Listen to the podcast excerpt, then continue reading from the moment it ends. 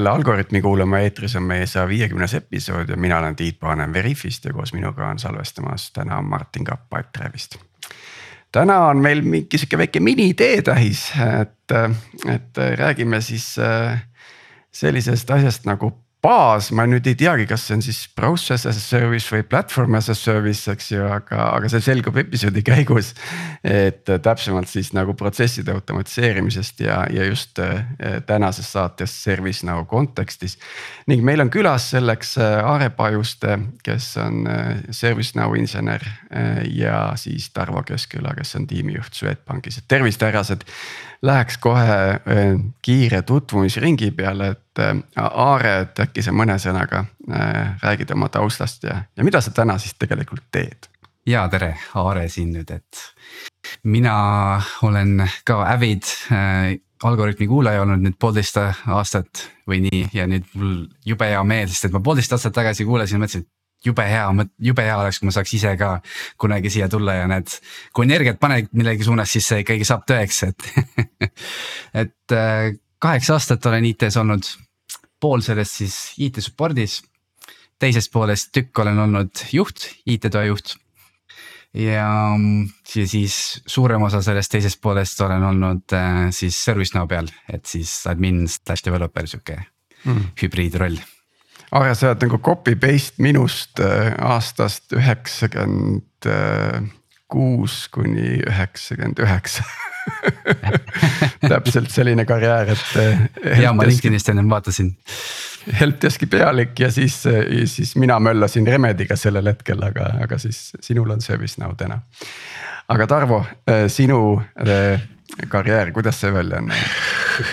no praegust on, eks ole, mu äh, selleks äh, ametinimetuseks vist äh, cross-functional team manager. aga oma IT-karjääri alustasin juba noh, enne juba tudengiajast tegin mingit juhutöid, aga, aga kaks tuhat neli alustasin Oracle andmebaasi administraatorina Microlinkis ja sealt ma sain siis nagu sihukese tehnilise tausta andmebaasidega ja, ja natuke Linuxi ja, ja Unixiga ja üsna kiirelt õppis, liikusin tiimmanageri koha peale. ja siis eh, läbi erinevate firmade liitumiste, küll seal liideti Elioni, MT, Telekome, Teliaid eh, kokku, siis olen töötanud erinevate tiimi ja osakonnajuhtide positsioonidel.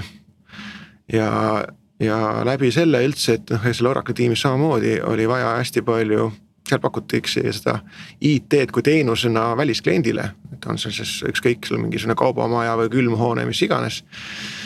ja läbi selle siis hästi palju kokku puutunud sihukeste teenuse pakkumise, kvaliteedi juhtimisega, protsesside juhtimisega. Eh, kuidas neid asju teha standardselt, kuidas mõõta kvaliteeti, kuidas, kuidas seda IT-d just teenusena pakkuda. ja ma üldjuhul oma sellest ametinimetusest kinni ei ole pidanud, et ikka olen oma nina igale poole mujale ka toppinud ja automation on ka üks osa olnud kogu selle asja standardiseerimises ja efektiivistamises. ja ma arvan, et sellepärast ma olengi siin, et natukene rääkida sellest platvormist just seda kasutaja äh, pilgu läbi ja Aare võib-olla ütleme platvormi tehnilise pilgu läbi mm. -hmm. kuulge, aga ServiceNow, et miks me sellest üldse peame rääkima? sest et ITSM on oluline osa IT-st et äh, ServiceNow on siis äh, platvorm kui teenus, baas ja pakub nagu raamistikku eelkõige noh, kõige kuulsamalt ähm, just ITSM-i jaoks, et äh, IT kui teenuse pakkumise osas. et ähm, kuidagi peame ju seda nagu kõike kremplit nagu haldama, eks. et mõtlesin, et ennem, ennem salvestamist mõtlesin, et jube hea oleks seda rääkida sedasi, et paneme ettevõtted kasvu järjekorda ja siis vaatame, mis nagu erinevate inimeste jaoks see ServiceNow seal tähendab. et kui me võtame näiteks väikse niisuguse noorema ettevõtte, siis see ServiceNow näiteks IT-toa inimese jaoks, see tähendab, et ma panen intsidente kirja seal ja ma lahendan neid. Ja see nagu sellega nagu piirdub, eks ole, ja juhid nagu näevad siis seal, et okei okay,, kes, kui palju ticket'id on lahendanud, kui, kuidas nagu tiimis jaotunud need on ja kuidas nagu kasutajale, kasutaja rahulolu nagu, eks on aga ja noh, eks see süsteem siis saadab ka nagu noh email'e välja ja noh, niisuguseid lihtsamaid asju saab teha nagu noh, väiksemas ettevõttes, sest et noh. eks see oleneb ka ettevõtte enda ressursist, et kui palju nad saavad sinna rõhku sellele platvormile panna, et mis sellest nagu välja saab võluda, eks, et noh. see käib, käib ka erinevate IT-süsteemide kohta ilmselt. et kui me läheme nüüd siis näiteks keskmise ettevõtte juurde, siis lisaks ticket itele intsidentidele on ka kirjas veel, et taristu on pandud asset itena kirja et eh, IT-taristus siis serverid, laptop'id, mobiiltelefonid, osades veel huvitaval kombel veel ekraanid ja mõned, mõned panevad veel pisiasju, eks. ja on olemas siis ServiceNow poolt portaal, et kasutaja läheb siis portaali, et, et oma mure kirja panna, et portaalis siis on sissevõtmiseks sihuke vorm kasutaja ei saa valesti infot anda, ainult õigesti saab, et vorm paneb kõik paika. ja on olemas siis seal portaalis ka siis ehm, vallastest ma vaatasin, ei olnud sihukest sõna knowledge base'i jaoks teabebaas näiteks või nihuke KKK, eks. et knowledge base, kus inimesed saavad nagu vaadata lahendusi oma muredele, et see on siis ka oluline osa sellest portaalist kindlasti et inimene saaks minna sinna ja siis noh, IT-tugi tahab, et oleks võimalikult vähe neid ja see on üks oluline osa sellest, eks, need intsidente. ja ta tahab, et see self-service oleks nagu maksimumi peal, eks ju. just, just. ja, ja, ja nüüd, kui võtame ja kõige siis, suurema ettevõtte. siis kui kõige suurem ettevõte, et siis on noh, tuleb veel see muutuste haldus, siis change control, siis probleemi haldus, siis kasutaja läheb portaali, et küsida teenuseid, mis IT pakub et näiteks on vaja, minul on vaja firewall reeglit, minul on vaja virtual machine'i, minul on vaja näiteks laptop'i, telefoni, klaviatuuri, hiirt, mul on vaja access'i, kõik nagu käib siis seal portaalis nagu vormi läbi ja noh, vormis on nagu kõik niimoodi seadistatud, et jälle kasutaja ei saa mingit valet sinna panna, saab valida ainult õigeid asju, et oluline on nagu see sisend eh, puha, puhtana hoida, eks, protsessis. et ähm, ja siis on veel et see taristu äh, andmebaas nii-öelda seal ServiceNows, et äh, sellel võib-olla siis kas discovery skännib ähm, äh, automaatselt siis kõike, mis ettevõttes muutub ja siis võtab selle info kõik sisse ja paneb siis automaatselt, et. see server on, sellel on nii palju mälu, sellel on nii palju kõvakettaid, sellel käib see OS, OS ja. ja sellel, see on seostunud, seostunud selle switch'iga, selle ruuteriga. aa, nii et seal on kerge sihuke nagu nagu monitooring ka küljes või sihukene, ma ei tea, vanasti oli SNMP, aga tänapäeval need protokollid on mm -hmm. kindlasti edasi arenenud, et. seal saab Discovery'd, ma korra peatun selle peale, et see saab nii PowerShell'i kui äh, äh, Bash'iga kui ka siis noh. SSH läbi, noh jah, just, et SSH läbi saab küsida ja noh, ruuteritel on vaja kohati sellega, eks. ja Pythoniga saab küsida igasugu, igasuguste meetoditega saab, et äh, ServiceNow on sihuke asi nagu middle server ehk siis noh, keskserver äkki. Et äh, see keskserver siis äh, küsib infot siis kõikide nende taristu elementide käest ja siis lükkab sinna automaatselt. aga hiljem jõuame selle juurde, et miks see halb on, Tarvo, Tarvo oskab rääkida väga hästi selle kohta. no jah, sisuliselt täiendada saaret siis, et kui sul on sihukene, ükskõik mis su ettevõtte valdkond on, oled see külmhoone, mis iganes, sul on mingisugused äh, IT-süsteemid on nii ehk naa, kasvõi raamatupidamine. ja alguses, kui sul ütleme, ütleme seda IT-kola on vähe, noh, sul on seal mingisugune kuni sadakond serverit kuskil üsna sarnases keskkonnas, kasvõi Azure'is või kus iganes siis seda asja hallata ja, ja hoida track'i, et, et millised serverid vajavad mingit uuendamist või väljavahetamist. millised on need probleemid või intsidendid, milliste serveri, millised serverid mõjutavad milliseid sinu teenuseid, kas noh, raamatupidamises on ju, ei ole vahet, kui sul nädala, nädalavahetusel server maas on. seda sa saad kõike hallata tegelikult põhimõtteliselt post-it'ide inimeste peas ära, kui sul see meeskonna suurus on, on kuni kümme inimest aga nüüd, kui sul hakkab see, ütleme need, need IT-kola hakkab varieeruma, et osa on sul seal mingi virtuaalmasinad, osa on sul mingid, mingid Unixi masinad, kuskil hardware, mingisugused network'i device'id. ja sul inimeste hulk kasvab, erinevad tiimid, sul hakkab ka teenuste hulk kasvama, mitte ainult raamatupidamine, vaid juba mingi tellimuse vorm, veebileht ja nii edasi siis selle info hoidmine ja, ja arusaamine ja, ja sealt pealt omakorda siis see kvaliteetse teenuse juhtimine muutub keeruliseks, sul on vaja sisuliselt tegelikult ülevaadet, et mis sul on, mis versioonid on. Eh, kuidas nad üksteist mõjutavad, kuidas need teenused mõjutavad. Eh, et siiani enamikes ja väga paljudes ettevõtetes hoitakse arvet ikkagi Excelis või kuskil SharePointi kataloogis või tekstifailides. ja no see manuaalne asi läheb üsna kiiresti uppi ja, ja hiljem, eks ole, see keskmisele suurele ettevõttele on juba see, et, et sa, sa pead tõesti kirjeldama oma teenused ära, nende kriitilisused, noh millise teenuse seisak äh, kümme minutit mõjutab ettevõtet oluliselt ja millise teenuse seisak mitte. ja, ja sealt on siis juba see, ütleme see sõltuvuste ahelad vajalikud, et, et sa tead, et millisel ööl või millisel kellaajal sa võid mingisuguse serveriga midagi toimetada. või millal sa võid uuendusi teha, eks ole ja selle, selle manageerimiseks on sul seda kogu seda tervikpilti näha. ja seal me jõuame muidugi ITSM-i tool'i juures eh, minu lemmikvaldkonnani, mis on siis CMDB ehk configuration management database. aga, aga noh, sealt me läheme juba väga pikkadesse detailidesse raskuspunktidesse. ja tundub, et sihukene universaalne ahaallahendus, et, et töötaja poole on nagu mingi portaal, eks ju, tal on mingid kasutusjuhud, mida ta peab siis tegema ja siis äh,, siis köögis on on, on nii-öelda IT poole peal köögis on siis selline, selline noh keskkond, mille kaudu siis saab ise ka neid asju juhtida ja registreid pidada ja seoseid luua, eks ju, et. et, et see pilt tuleb kokku, aga kui ma küsin nüüd siukse veidi ketserliku küsimuse, et või mis, ma ei tea isegi, aga ühesõnaga, kas on mingid asjad, mis nagu võiks olla selles mingid kasutusjuhud, mingisugused stsenaariumid, mis võiks olla ServiceNows, aga tegelikult ei ole. no kui ma seda sertifikaati tegin, siis ma mäletan, et head näited olid seal, mis ei tohi olla, et et mängu sa seal ei saa teha, eks, et seda sa ei saa, eks. ja sa ei saa näiteks videosid seal salvestada hästi peal, et eh, neid hoida seal ei ole ka hea mõte.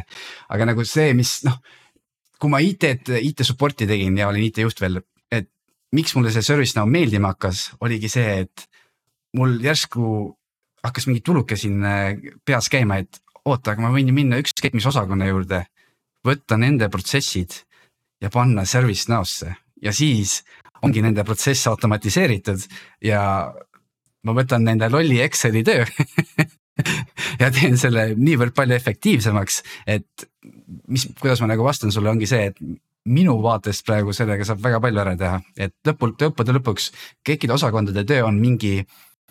saab, saab, kas see on siis Excelis mingi rida või see on ja selle rea ma võin võtta väga hästi ja ma ütlen, et see on lihtsalt tabelis üks kirje. et. või eraldi objekt. just või eraldi objekt, eks, et äh, ma ei tea, kas see vastab su küsimusele mm. -hmm. ja see on väga hea mina tean ühte asja, mida ma ise tunnen, et ServiceNow puhul on, on vahepeal natuke vajaka, ma ei saa öelda, et see täielikult puudu, aga ütleme. Eh, toote vaates on see veel natukene liiga sihukene roheline. et eh, kui me siin mingit automation'it oleme teinud ja ütleme, mingisuguseid flow sid ehitanud ja, ja orkestraatorit kasutanud. siis nende protsesside või, või, või ükskõik milliste asjade automatiseerimisel on liiga vähe võimalusi anda see, selle protsessi automatiseerimise ehitamine eh, vastava tiimi kätte et ServiceNow maailmas on, eriti kui ma võtan suuremaid ettevõtteid, siis neil on tohutu suured ServiceNow tiimid. erinevad valdkondade, küll arendajad, küll haldajad ja igaste moodulite jaoks. ja siis ongi mõeldud sedasi, et sul on meeletu ServiceNow eh, tiim, kes teeb sinu HR-i või, või, või security tiimi jaoks mingeid arendusi aga tegelikkus automation sihukesest tsentraalsest kohast väga hästi ei tööta tegelikult, tegelikult oleks kõige efektiivsem töötab siis, kui tiim ise näeb oma, oma neid protsesse, näeb, kus kohas saab midagi paremaks teha või automatiseerida ja anna, annad neile selle võimekuse kätte. et me oleme vahepeal päris tugevasti selle otsa sattunud, et ei ole nagu sihukest äh, ligipääsuõiguste ja õiguste jagamise süsteemi, et nad saaksid seda teha sõltumatult äh, service adminidest aga ma arvan, et see on, see on pigem mitmes kohtades. mul oli ka see, et eelmise nagu siis nagu teistpidi keerata, et okei okay,, et midagi on nagu puudu, aga. kui neid asju ühes süsteemis on jube palju, eks ole, need featuure ja värke, eks ole. siis tahes-tahtmata see süsteem läheb ju hullult keeruliseks lõpuks et, et kas, kas seda ohtu nagu ei ole, et kui see, et see lihtsalt see nagu okei okay,, sul on, kõik on olemas, kõik on ühes kohas olemas, aga siis lõpuks on sama asi, aga mis mul olemas on, mul on, mul on lihtsalt liiga palju asju. et mm, -hmm. et mhm. kui, kui palju inimesi lõpuks siis vaja on selle, selle, selle haldamiseks nagu. räägime siis äkki, mis tiimid meil on või või jah, ütleme siis niimoodi, et, et need on erinevaid, erinevaid äh, siukseid struktuure on, et äh, suuremates ettevõtetes, et üldjuhul on ikka ikkagi üks on niisugune halduse tiim, mis tegeleb puhtalt selle platvormi haldusega. Patch ib seda, upgrade ib, kloonib seda teste, dev, mis iganes keskkondadesse. Äh, ja hoiab, ütleme nendel framework idel silma peal. ja siis on nagu ütleme arendustiimid, kes juba tegelevad otseselt mingi konkreetsete moodulite jaoks, et seesama, et see on nagu see HR-i moodul või security moodul või vendor support'i moodul tegelevad siis nende osade äh, arendamisega. ja meil on siis niimoodi, et meil ütleme, see tsentraalne halduse tiim hoiab siis ka silma peal, et, et äh, erinevate moodulite arendajad äh, oma tegevustega ei konfliktiks omavahel. Et nad kasutavad mingisugust, ütleme core data't, et, et seal ei oleks mingisuguseid möödalaske, ikka on, muideks ikka veel juhtub intsidente ka sellega, aga noh, see on nagu, nagu juhtub. ma tean, et, et siin mõnes suuremas ettevõttes on tõesti nelikümmend, viiskümmend kuni isegi sada inimest noh, me töötame pangas, mis on ka päris suur, aga, aga ma ei tea, meil on äkki paarkümmend inimest ainult kokku erinevate moodulite, erinevate tiimide peale. ja see on kogu Swedbanka grupp. Swedbanka grupp jah, et, et mm -hmm. kõik, kes me siin oleme nii Rootsi kui Baltikumi poole peal. et meil IT tegelikult töötabki grupi tasemel. me ei tee vahet nagu, kes meil klient on riigist. nii, aga siis kakskümmend inimest, et mis tiimid juba mainisid mõned tiimid ära, aga, aga no meil on see, ütleme siis haldustiim, kes tegeleb just reaalselt selle batch imisega ja seal sees on siis ütleme rakukesed, mis tegelevad eh, omakorda ITSM-i mooduli eh, arendustega. ITSM-i moodul tegelikult on protsess manager'ide eh, omanduses, nemad tellivad, et muutume incident change'is või ticket'is midagi või paneme mingi järgmise mingi kataloogi item'i stiili siis on seal üks väike rakukene, kes tegeleb puhtalt, ütleme siis nende software'i litsentside ja asset management'i ja, ja discovery tool idega. ehk noh, kõik need skännerid, mis leiavad mingisuguseid asju ja loevad litsentse ja objekte. siis meil on eraldi tiim, kes tegeleb eh, erinevate infra ja platvormi tiimide eh, automatiseerimiste onboard imisega. ehk me aitame Linuxi, Windowsi tiimil tulla ja nende teenused automatiseerida et eh, see eraldi tiim tunneb nii ServiceNow platvormi, kui ta teab nagu, mis on panga nõuded, et noh, et kui sa teed uut serverit, siis sa pead ka sinna change ticket'i tegema, sa pead sinna CMDB-sse CI tegema, sa pead eh, noh teab seda protsessi ja siis ta aitabki Linuxi tiimile, et noh, lisaks sellele, et te selle Linuxi serveri provisioneerite ja sinna monitooringu back-up'i peale panete, peate te olema compliant ka muude nõuetega ja siis no vot selline, selline tiim on.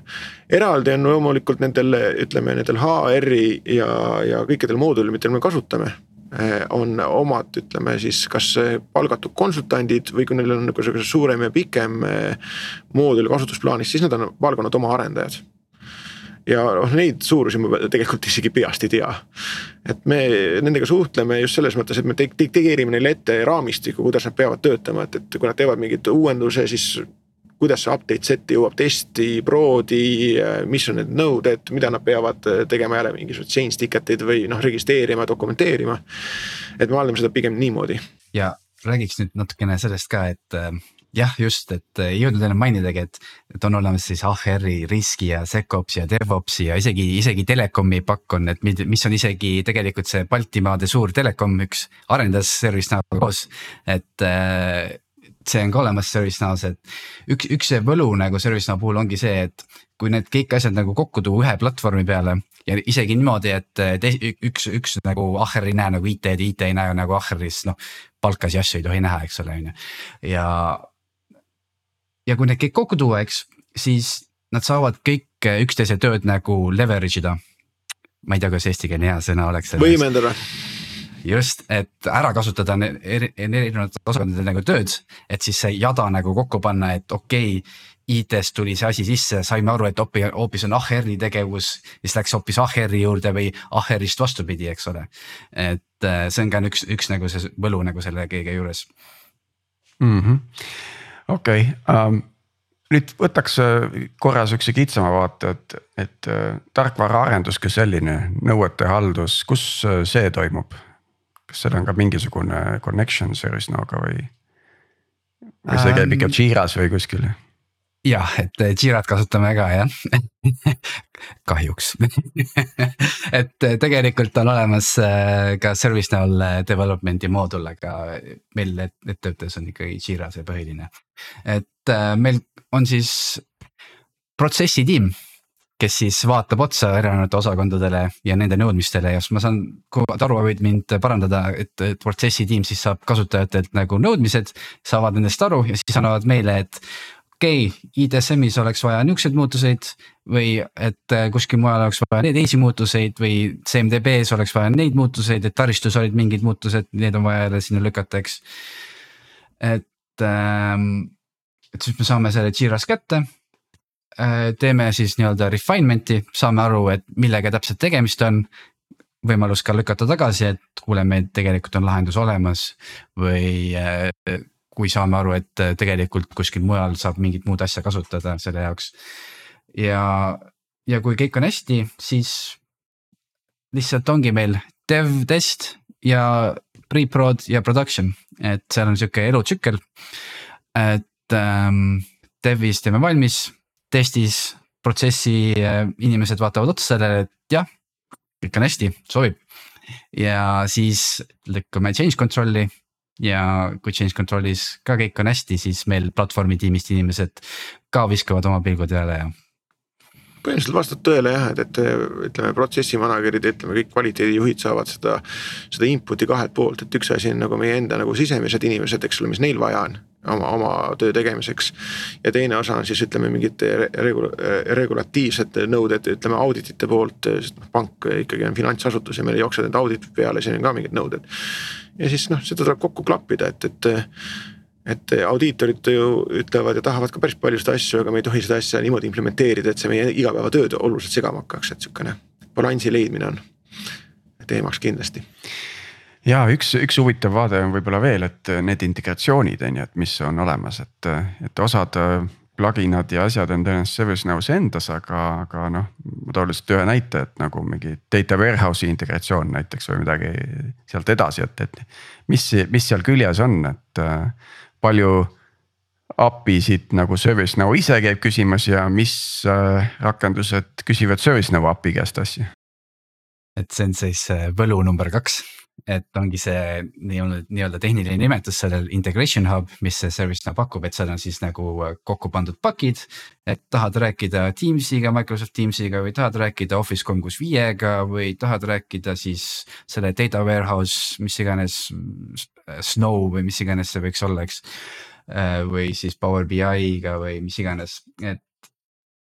Neid, kuidas, kuidas nad räägivad omavahel, et üldiselt ikkagi on REST-iga see, et ähm, REST-i kaudu räägivad need süsteemid, aga on ka siis noh, see keskserver, millest ma rääkisin, et kui on vaja tõesti, et selles nii-öelda flow's, see flow on ka tehniline termin ServiceNow's. et äh, seal flow's on siis üks nii-öelda jupp, mis tahab, mis vajab siis äh, kas äh, väljundit saata sellele ühele sellele taristu objektile, siis võib teha täiesti ise. kas PowerShellis, Bashis Pythonis või milleski muus, panna selle skripti sinna keskserveri peale ja siis ServiceNow räägib selle keskserveriga. keskserver räägib siis sinu taristu objektiga ja siis vastupidi, et tagasi ja siis kasutab seda infot ära, et siis see protsess nagu lõpuni viia jah, ma tahaks omalt poolt ka hea lisada, et, et, et integratsioonide rohkus on nagu väga hea, et, et ütleme, ServiceNow'l endal hästi palju neid out of the box plugin'id. osad on tasulised, osad mitte. Aga mis mina ise armastan väga, ütleme neid API web service'it ehitada. et kui me räägime just seda, kui me ennem rääkisime, me peaksime teadma, mis mul majas on, kui palju servereid, palju andmebaase, mis iganes. siis seda, seda infot me tegelikult hoopis sikutame erinevates management serverites, SSM-is, Puppetist, Salstackist, Oracle Cloudist, kust iganes. ja me ehitame enamasti custom äh, API web service'e sinna ja me naudimegi seda, et meil on nagu see data, et see automation'i puhul, et sa ei pea käima küsimas erinevatest source idest, vaid sa küsid ühest tsentraalsest source'ist.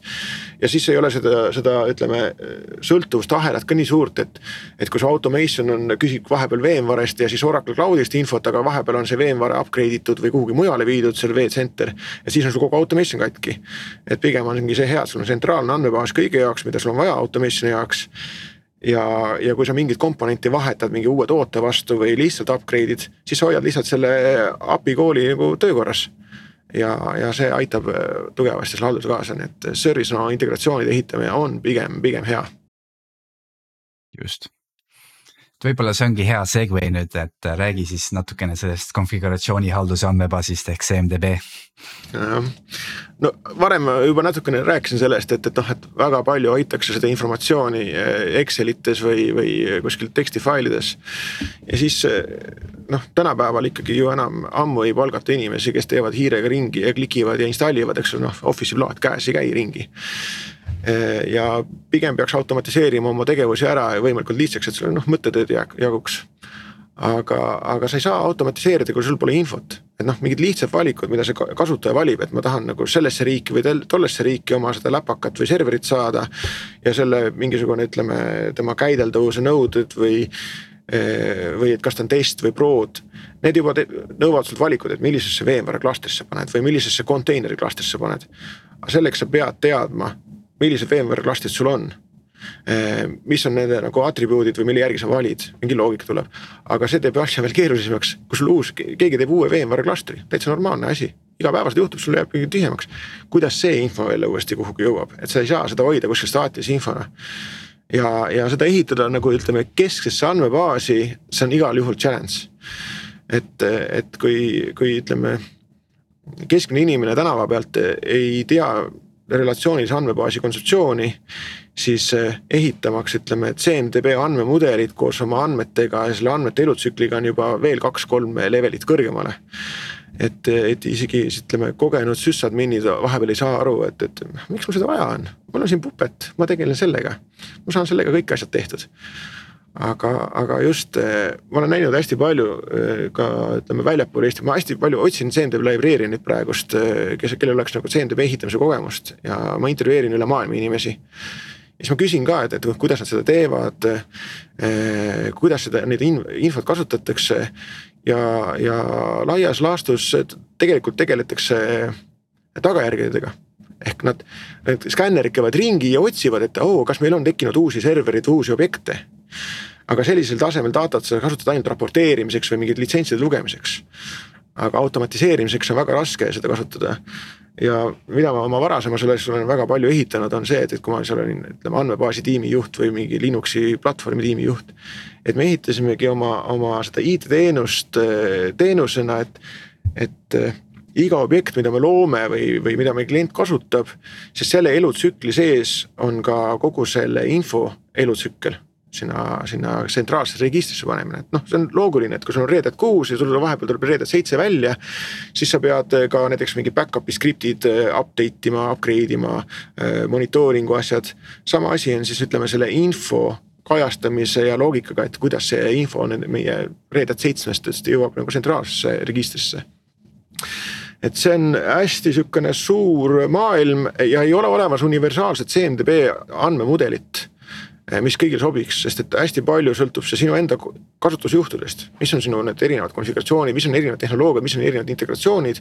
ja mis on sinu organisatsioonis, ütleme organisatsiooni struktuur ja vastutuse mingi mudel, et kes noh, suuremas ettevõttes on niimoodi, et, et Red Hati või selle ossi eest vastutab üks meeskond, virtuaalse masina eest teine, andmebaasi instantsi eest üks, andmebaasi eest ma ei tea, teine tiim. et see väga palju, see arhitektuur sõltub, sõltub sinu enda igapäevaelust ka ja see on selles mõttes suur põnev custom äh, mudeli ehitamine, sinna integratsiooni panemine, integratsioonide ehitamine ja siis kogu selle nende platvormi tükkide elutsükli juhtimine mm. -hmm. natukene siin nagu sellest asset management'ist ka rääkisime, aga kas äh, nagu kasutusel olevad äh, SaaS tarkvarad on ka seal nagu registris ja, ja mind huvitab just nende tark tarkvarade roles and rights management? oh, hea küsimus, ma nii täpselt võib-olla ei tea, aga ma, ütleks siis niimoodi, et, et eh, jah ja ei, meil on, me kasutame praegust ikkagi enamasti ütleme software'i jaoks software asset management'i tool'i, mis kasutab skännerite infot selle sisse toppimiseks. lisaks ma tean, et meil on, ütleme sisemiselt eh, siin on rakenduste arendajad, kes hoiavad oma versioniseerimisi ja versioonide infot ka meil tsentraalses andmebaasis. et äh, ma ei tea, kui see vastas küsimusele. Aare tahtis siin lisada, et. ja et mul hiljuti oli üks äh, intsident seoses sellega, et äh, üks äh, see SSM-i äh, integratsioon ei töötanud ajapäraselt, et äh, siis ma sain tuttavaks sellega äh, Swedbankis. et äh, ongi, et SSM-iga näiteks integratsioon ja siis ma sain aru, et see töötab nii, et inimene läheb, küsib teenuse kataloogist arvutile äh, image'it. see saadetakse sinna peale ja siis see IT support'i agent, kes küsis, ta saab äh, lõpuks endale telefoni peale SMS-i, et kuule, nüüd on valmis, nüüd on tehtud. et äh, see on näiteks üks hea näide võib-olla sellest SaaS-ist. okei okay., aga, aga see kasutajate rollide ja nende äh, rollide nagu piirangud ja õigused seal, et et see on siis nagu täitsa eraldi süsteem, et see ei ole selle service ma arvan, skoobis. ma arvan, et jah, et seda praegust meil hallatakse pigem ütleme mingisuguste ADD-ga. et meil mm -hmm. on osad nagu õigused on piiratud siis teenustes spetsiifiliselt, meil on teenused kirjeldatud ja siis on õigused sul seda teenust äh, kasutada või hallata mm. ja noh, loomulikult kogu ütleme kõik, kõik kasutaja nimed ja, ja ütleme, selline info niikuinii peab ka olema, et, et sa saaksid seda portaali üldse service'ina kasutada. et seal on ka siis ütleme, mhm. mingisugune õiguste, õiguste puu on olemas, see võiks kindlasti parem olla alati kas see on ikka niimoodi, et sul on, teil on, et oma Active Directory, eks ole, nimekiri kasutajate siis keskne andmebaas koos gruppidega tõenäoliselt ja siis. siis seda andmebaasi kasutab ServiceNow omakorda, eks ole. süngitakse need omavahel jah just ja, läbi LDAP-i. ja, ja, et see on, see on sihuke tüüpiline kuidagi, et, et, et kust hakkavad, et kõik firma kasutajad peavad sul ikkagi olema nagu selles see on nagu see mm -hmm. algus, eks ole, et siit hakkavad nagu kõik pihta, on ju. no seal on see, et mis on see single point of truth ja tavaliselt ja. ikkagi ütleme, kasutajad peaksid tekkima või algama HR süsteemidest ja kuna me oleme ikkagi eh, mitme riigi üle, siis meil on neid HR-süsteeme palju erinevaid ja meil tegelikult on ka veel kohtasid, kus kohas kasutaja ei ole pangatöötaja, vaid ütleme mingi partner. et eh, see on jälle üks integratsioonide ehitamise süsteem.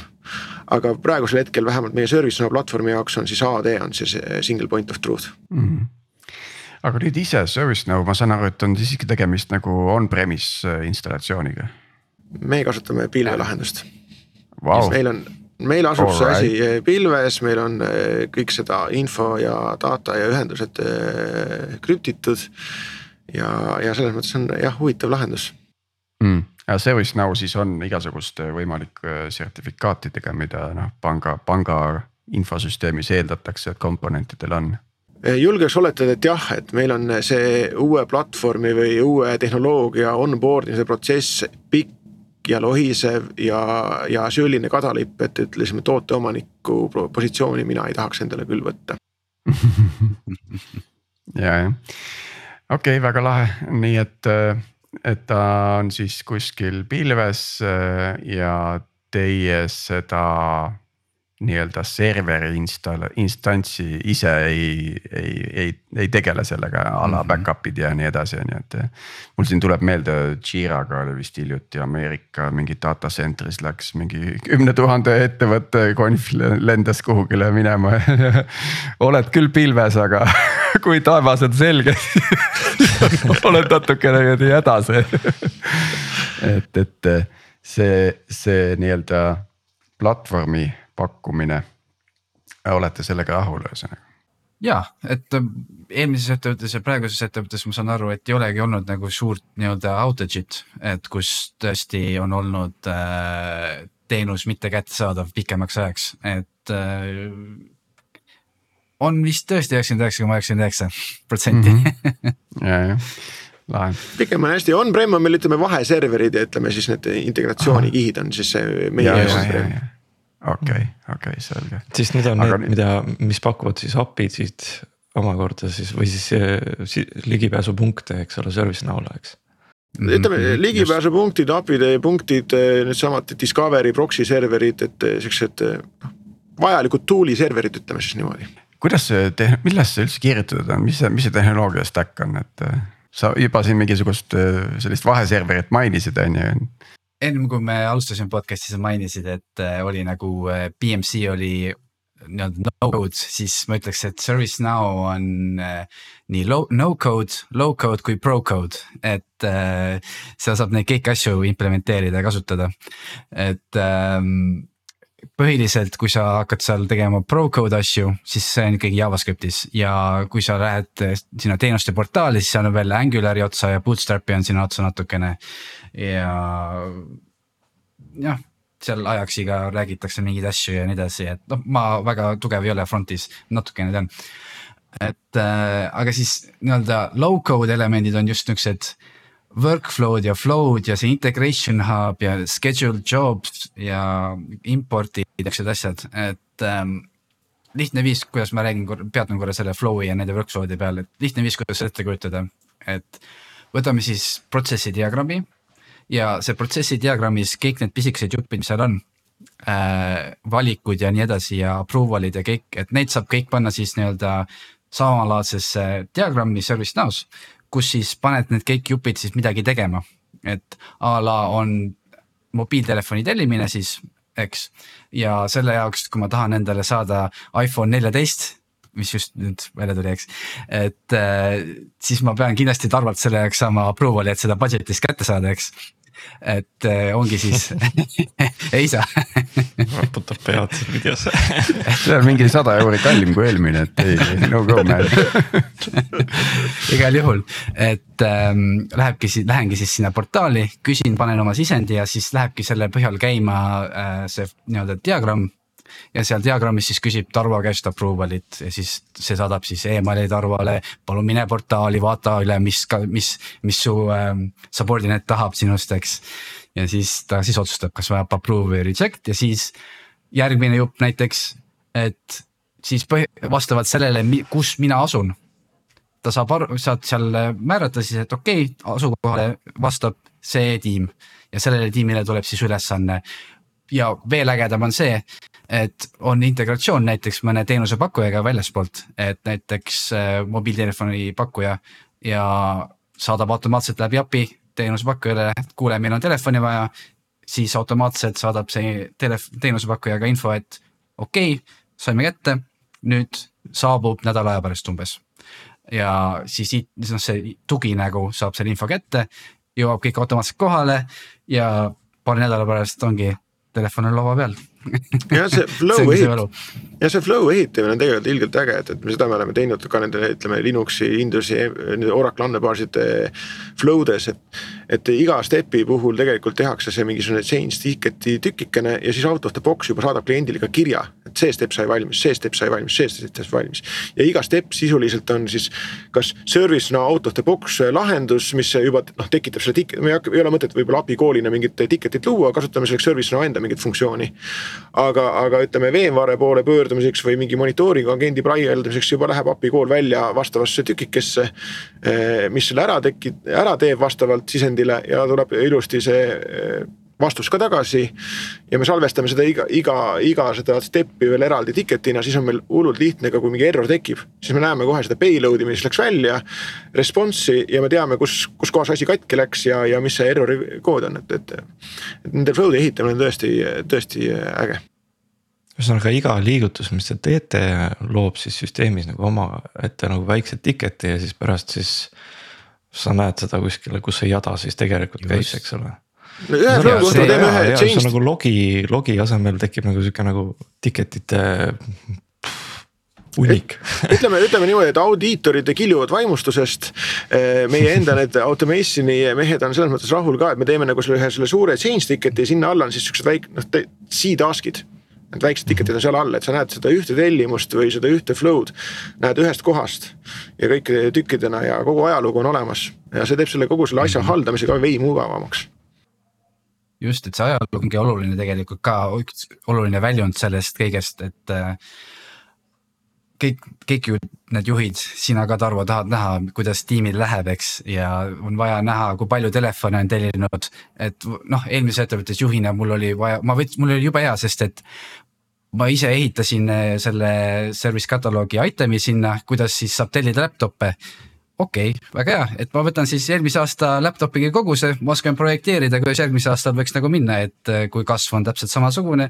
siis ma oskan oma CIO-le nii-öelda öelda, et kuule, võiks olla sihuke arv, et äh, see leveraging ongi just see, et sa kasutad seda datat kogu aeg nagu ära jah, teenusehaldurina on samamoodi, sa saad selle väljavõtte võtta, et kui palju on sul vananenud eh, serverid või vananenud operatsioonisüsteemiga serverid, mis vajavad väljavahetamist. Eh, ja, ja noh, loomulikult see inimeste manageerimine ka, et ma näen peale ära, et kui vanad läpakad mu tiimi member itel on, ma tean umbes mitu välja pean vahetama, ma saan juba budget'it planeerida. jah ja. Nüüd jube tore ja lahe ja kõikehõlmav universaalne HAL-süsteem, aga palju see maksab? No ikka maksab. Et see on, võiks öelda, et see on natukene siis see negatiivne pool ka, et ähm, ütleme noh, kas me räägime numbritest ka Tarvo või, et ma enam-vähem peast. ma arvan, numbrid ei olegi siin olulised, pigem mind huvitab see. vaata, ütleme, et sul on üks töötaja, tal on teatud rida funktsioone, mida ta teeb, eks ju ja nüüd ServiceNow katab nendest osa, eks. ja siis ServiceNow teeb mingisugust, toob mingit säästu mingite automatiseerimiste asjade näol, nii edasi, on ju. et, et, et kuidas see litsentsimajandus on, kas see on nagu kasutajapõhine või, või ütleme, ma kujutan ette, et seal on mingi serveri ja kasutajate hulk, eks ju. seal on, seal on selles mõttes, et ta on paindlik, et tal on mitmeid erinevaid mudeleid et sa saad, üks asi on see kasutajate põhine, kus kohas on sul ka erinevat tüüpi kasutajad, et sul on nagu kasutajad, kes päriselt vajavad kogu seda funktsionaalsust, nimetatakse fulfiller'iks. ja siis on sul kasutajad, kes saavad ainult näha front-end'i tellimusvormidest sisuliselt ja see on suhteliselt mõistlik, eriti niisuguste väiksemate ettevõtete puhul või keskmiste ettevõtete puhul. me ise kasutame full enterprise'i, ma arvan, kus kohas kasutajaid ei loetagi. ja, ja seal on jälle teistsugused eelised, et, et sa saad mingisuguseid mooduleid või tooteid kasutada ilma mureta, et, et sa pead juurde maksma et meil läks ka mingisugune hetk oli, oligi meil võib-olla see mingi murekoht, et, et meil tegelikult oli neid kasutajaid, kes tahtsid tellida asju, oli liiga palju. Tulid ka mitte ainult pangatöötajad, vaid mingi partnerid, asjad. ja, ja sealt tulid nagu ütleme planeerimatud kulud. ja lõpuks me leidsimegi, et, et meil on võib-olla see enterprise litsents mõttekam. kui rääkida üldisest hinnastamisest, noh minu maailmas on alati olnud see eh, kurikuulsaks näiteks, et Oracle hinnad Oracle andmebaasi hinnad, siis ma ütleks, et ServiceNow on eh, samas kategoorias et eh, ta on tegelikult, tegelikult on kallis ja tegelikult ta ei ole väga sõbralik, eh, ütleme siis äh, litsentsi hindade ülerääkimises. aga, aga sa saad valida selle omale paketi, mis sobib. no ma siis puusalt tulistan, et ütleme, et no ütleme, et sul on kümme tuhat kasutajat, on ju. siis ilmselt mingisugune, ma ei tea, tuhat tuhat viissada per kasutaja per aasta laias laastus ma ei tea, ma ütleks selle peale, et kui sul on kümme tuhat kasutajat eh, ja sul on seal ütleme mingi hunnik mooduleid, noh ITSM-i ja ütleme mingi HR ja veel mingi SecOps ja võib-olla vendor, siis ma arvan, et, et me räägime ikkagi mingisugusest meurisest eh, hinnalipikust. ja sa pead jaotama veel, eks ole, et okei okay,, kes neist on need agendid, kes teeb tööd, päriselt teevad seal platvormi peal tööd, kes neist on need, kes on vaja lihtsalt approval'it vajutada kuskil portaalis ja kes neid on, kes neid on, neist on need, kes lihtsalt lähevad portaali ja vajutavad, et ma tahan lihtsalt intsidenti teha ja that's it, vaata. Et see on, jaotuvad niimoodi ka.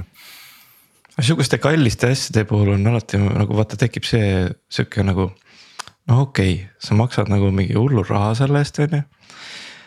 kui sa aastas sellesama raha paneksid töötajate peale kas, kas, kas see tasuks nagu ära, tasub see ära või, või, või mis, miks, miks siis mana, võtta see, et mis see ära tasub seal? noh, managerina mul on sihuke kogemus, siis ma võiksin kohe öelda, et, et siin ühe korra ühe mooduli ostmist me planeerisime ja siis me leidsime, et, et et seda mooduli sisse vaadates ka, et, et seal ei ole nagu kogu seda funktsionaalsust, mida me tahame, ta on ikkagi natuke robustne.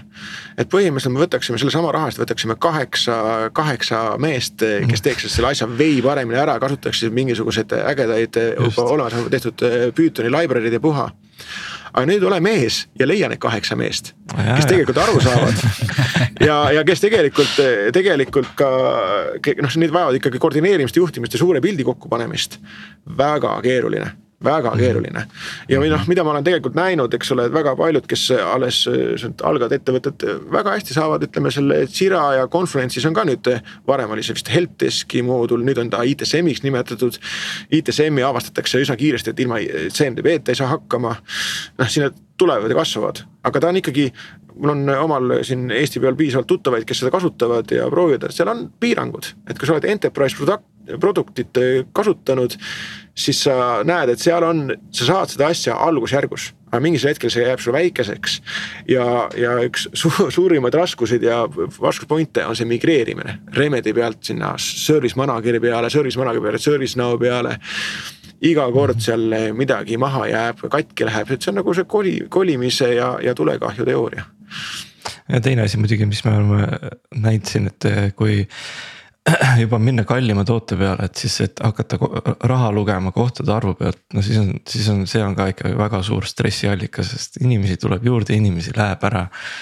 mõni tahaks nagu järsku läheb teise ametipositsiooni peale, on vaja rohkem õigusi, jälle mingisugune raha ennustus muutub, on ju, et see ma küsin Aare, äh, mäletan Remedi ajast äh, see kasutajate community noh, see oli muidugi kahe tuhandete alguses ja üheksakümnendate lõpus oli, oli väga tugev ja, ja, ja kindlasti annual highlight oli see, et sai nagu Remedi konverentsil käia ja niimoodi, et, et kuidas see ServiceNow'ga välja näeb. ja keep going et äh, just, just nii on ka ServiceNow'l, et äh, on olemas siis community portaal, kus siis äh, kõik developer'id saavad küsida küsimusi ja on programmid, kus teised developer'id saavad ähm, siis vast-, noh, saavad tasusid ka selle eest, et kes on kõige nagu parem seal vastaja ja nii edasi ja.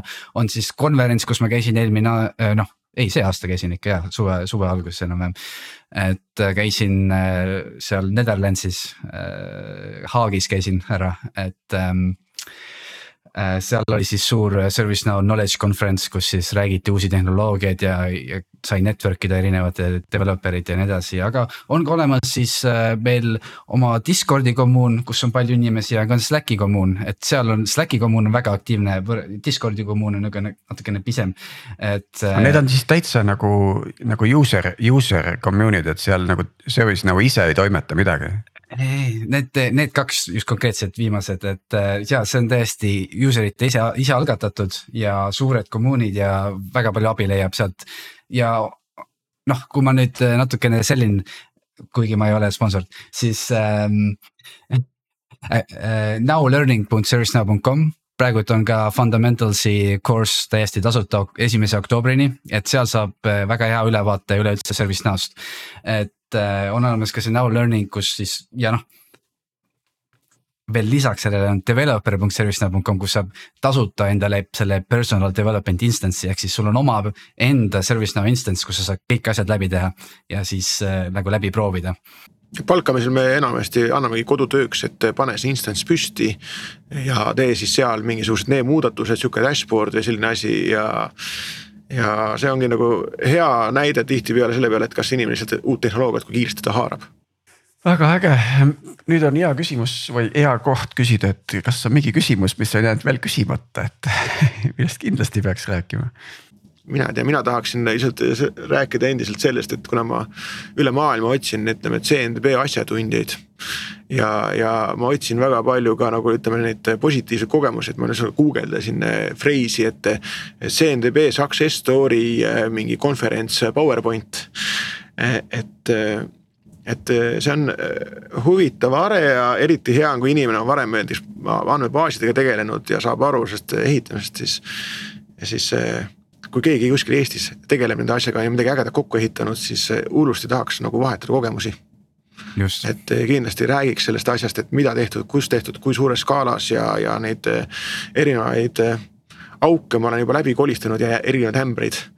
et siis saaks jagada seda kogemust noh, nii palju ma võin kommenteerida, et siis, kui sa sellest enne rääkisid, eks ole, et. Et see on, et see on, mulle meeldis see, mis sa ütlesid, et, et enamus tööriistu, kui nad teevad tagantjärgi ja otsivad neid asju üles, eks ole, et siis. tegelikult väga hea lahendus, mis noh, meil Pipedrive'is, mis me tegime, oli just see, et. et okei okay,, kõik uued masinate instantsid luuakse ju ikkagi noh, Terra, Terraformi, Ansible, mis iganes vahenditega on ju, et siis selle käigus juba registreeritakse ka kesksesse andmebaasi näiteks uued andmebaasid. sest et, et kuna meil nüüd oleme läinud ikkagi tänapäeval on see service discovery väga oluline asi, eks ole, et siis sa ei saa oodata, kuni mingisugune cron job kuskilt need leiab, vaid sa ikkagi tegelikult paned juba enne ette kirja, et siit on server tulemas. varsti võid sa siia tulla ja teha siin asju, eks ole. et, et aga, aga jah, see kehtib muidugi hetkel meil põhilised andmebaaside register on see, see, sest et teine asi on väga vägev asi on ju Kafka.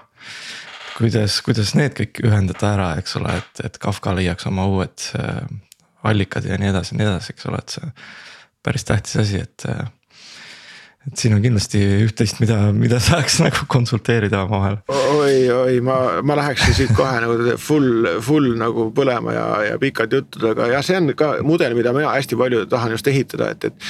et see, see tsentraalse registri objektide elutsükkel peab olema, algama nagu sellest objekti elutsüklist. et kui sa installid serverit, siis, siis me teame ju kõik, et kui sa Linuxi serverit installid, siis sa pead mingeid tegevusi tegema, enne kui sa saad öelda, et see on production ready. paned sinna back-up'i kliendi, paned sinna monitooringu agendi noh, mida iganes õigused, siis üks step selle asja juures on ka tegemine, see registreerimine selles tsentraalses registris. see kehtib iga, iga objekti kohta, mida sa IT-tiimides lood ja, ja kõige tähtsam ongi see asi, et, et, et see on nagu tegelikult see lifestyle põhimõtteliselt, way of working, see ei ole midagi, mida sa saad mingisuguse tool'iga ära lahendada, vaid see on see, kuidas sa oma IT-objekte juhid ja kuidas sa oma teenust juhid. ja, ja suures maailmas ikkagi noh, lapitakse seda, seda tagajärgesid selle discovery tool'i, kus kohas saadakse aru, et, et oi, meil on juba mingisugused kümned tuhanded serverid, meil on mingi sadu tiime. ja, ja jõle keeruline oleks nende tiime ümber õpetada teistmoodi elama ja siis äh, lahendatakse teistpidi. aga ütleme, algajasse ettevõttes oleks palju lihtsam seda tegelikult alustada, et äh, juba noh panga vaates meil on siin, ütleme, ei ole kümned tuhanded serverid, pigem alla kümne tuhande serveri. ja, ja IT-inimesi on siin nelisada, noh, see on veel võimalik. et see vajab äh, sihukest, võtad igast tiimist mingi inimese, näitad talle need asjad ära, näitad, seletad, müüd. ja kui ta ühel hetkel näeb järsku seda, et oo et, et selles situatsioonis ma sain hopsti sealt selle info kätte või mingit ajalugu või asja. siis hakkab see järsku elama, et meil on ka järsku veevarad minna, avastas, et oo, ta, ta saaks hullult hästi, ta ei peaks erinevates veetsentrites käima mingit infot kogumas vaid need automaatselt lükkavad eh, keskele ja ta võtab lihtsalt, kirjutab kerge lihtsa query, no mitte query, vaid noh, drop and down, filtri. kogu info on käes, ülevaade on kogu aeg olemas. Ja siis ta hakkas panema järjest, järjest asju juurde, mis tema elu lihtsamaks tegid, see ongi automatiseerimise mõte, oma igapäevaelu lihtsamaks teha. Jah, Aare, ma siia viimase küsimusena küsin, et palju Eestis täna ServiceNow insenere on? Oh.? ma arvan, et käputäis, et äh, isiklikult ei tunne ühtegi no siin on võimalus äh, peale, peale Mardi ja minu, äh, kes meil oleme tiimis, eks ja noh. Sunili unustasid. Sunil ka just, et äh, noh, aga täiesti nagu eestlastest mina tean ainult Marti põhimõtteliselt, et. ehk siis, kes kuuleb, võtke Aarega ühendust ja just palun. mina mina tean rohkem, et, et meil on siit need inimesed pangas liikunud edasi-tagasi. ja tegelikult eh, endiselt meil on need SecOps'i ja need erinevates tiimides on veel liikmeid, kes on tegelikult lokatsiooniga Eestis et äh, Aarel oli tegelikult vahepeal ka mõte siin Eestis nagu oma sihukene ja pangas teha oma sihukene äh, service no community. aga, aga mina arvasin, et see on päris suur effort ja sihukene Äh, külm Põhjamaa mees väga ei ole aktiivne võib-olla ka, et üllas eesmärk, et Eesti turg on äh, isegi selle teenuse kasutamiseks, noh, peab sul ikkagi seda ressurssi olema, ilmselgelt on näha, eks. ja, ja muidugi neid ettevõtteid. et, et see community võib faasis. jääda väikseks, aga, aga, aga mõte on hea, sellepärast et seda tüüpi asjad kindlasti nagu.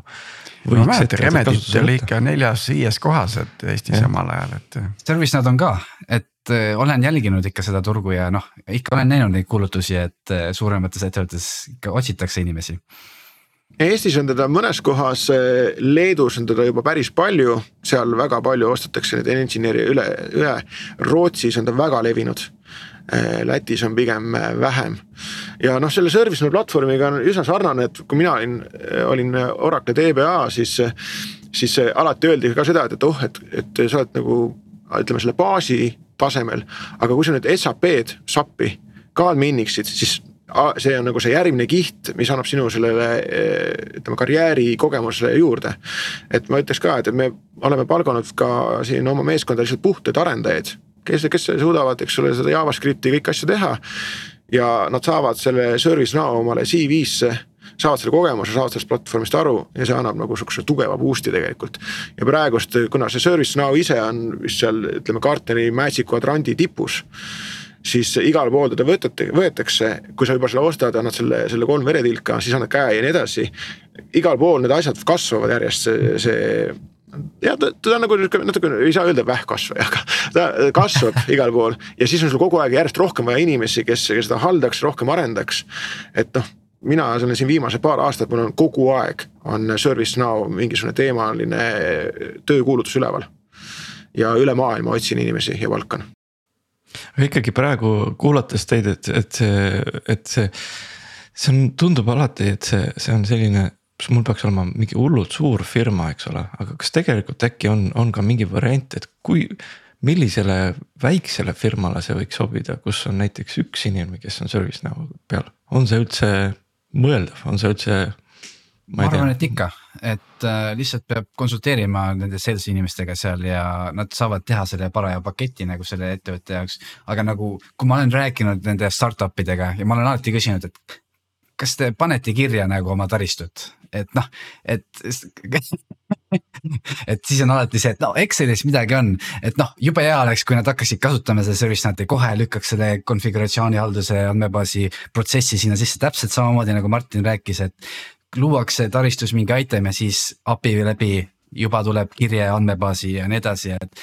kui saaks juba algusest peale sihukese asja paika, siis ma arvan, et see aitaks ettevõttel areneda hulga kiiremini see vajadus selle ütleme. oma, oma inventari osas see vajadus sellise toote järgi tuleb palju hiljem, et alguses on ju täitsa okei okay,, kui sul on mingi paarkümmend inimest, eks ole, kontoris.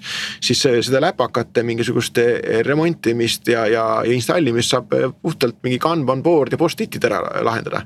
sul tegelikult sa ja enamasti selles hetkes sa ei tahagi osta kallist toodet ja hakata mingisuguse keerulise protsessi implementeerima. ja seda protsessi ja seda automa-, automation'it ja seda standardiseerimist on sul vaja hiljem, kui sul on juba palju suurem hunnik kui sul neid läpakaid on juba sadu. sul on neid erinevaid lokatsioone, erinevaid inimesi ja erinevaid kasutajaid, siis tuleb alles vajadus selle ServiceNow järgi või üldse ITSM-i järgi jah, alguses on nii suur sprint vaata väikestel ettevõtetel, et saada seda väljundit võimalikult palju ja tulu võimalikult palju, et ei ole aega mõelda selle peale, et eh, saaks selle ITSM-i paika näiteks, eks. Story of my life, aga Äraselt eh, oli ülimeeldiv sellest rääkida ja, ja tegi südamelt soojaks, et eh, omal ajal sai täpselt selliste asjadega tegeletud, muidugi skoop oli oluliselt väiksem ja organisatsioon oli ka väiksem. aga, aga ikkagi lahe, et tänud teile osalemast ja, ja aitäh, Martin, et aitasid saadet vedada ning äh, ka kindlasti tänud kuulajatele, et äh, kohtume jälle järgmisel nädalal ja siis juba uute teemadega. aitäh, oli tore tulla ja loodame neid erinevaid kontakte. Jah, helistage